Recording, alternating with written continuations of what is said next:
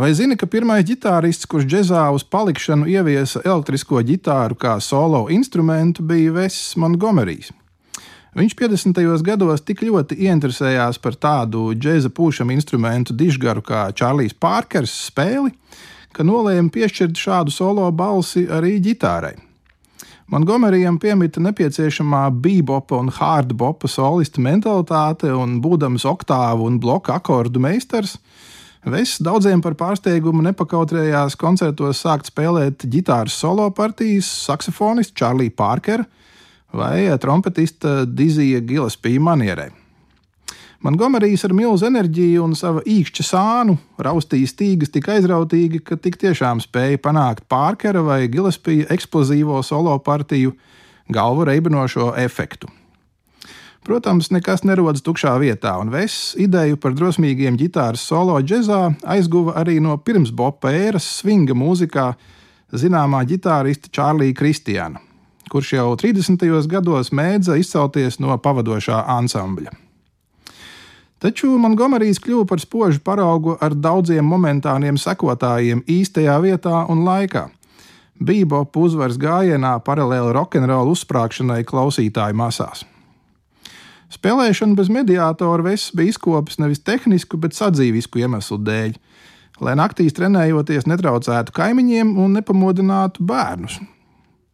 Loģisks risinājums būtu izvēlēties akustisko ģitāru, taču Montgomerijs bija iemīlējies elektriskā pastiprinātāja skaņā un nevēlējās atteikties no ieceres ienest tolaik moderno rokenrola sajūtu sev nemazāk tuvējā džezā.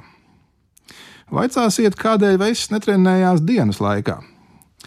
Pirms pilnībā nodoties izaicinājumiem bagātajai mūziķa karjerai, viņš maizi ģimenē pelnīja kā mašīnists, tādēļ enerģiskajai stīgu raustīšanai atlika vien diennakts vēlīnās vai visagrākās stundas.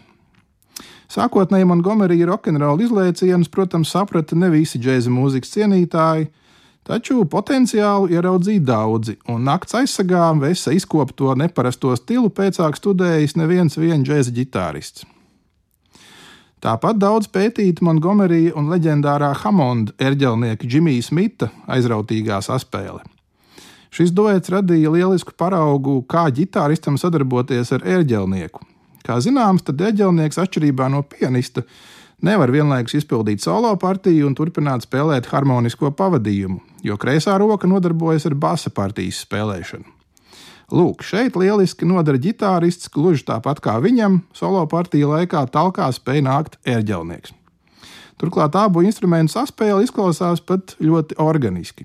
Pateicoties Vesam un Gomerija muzikāli atvērtajam prātam un neatlaidībai, tika nobruģēts ceļš tādiem postbopu ģitāristiem kā Grants Grīns, un ģitāra kļuva par ierastu solo instrumentu džēza pasaulē.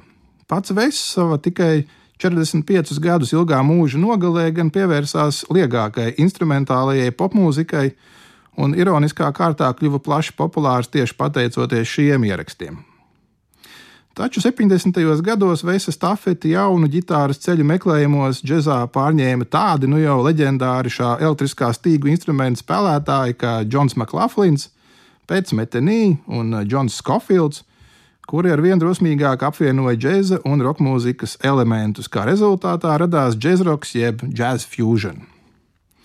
Tieši ģitāra bija primārais sasaistes punkts starp džēzu un roka mūziku, taču daudz ģitāristi izvēlējās turpināt arī tradicionālo džēza ceļu, turklāt gan akustiskā, gan elektriskā izpildījumā.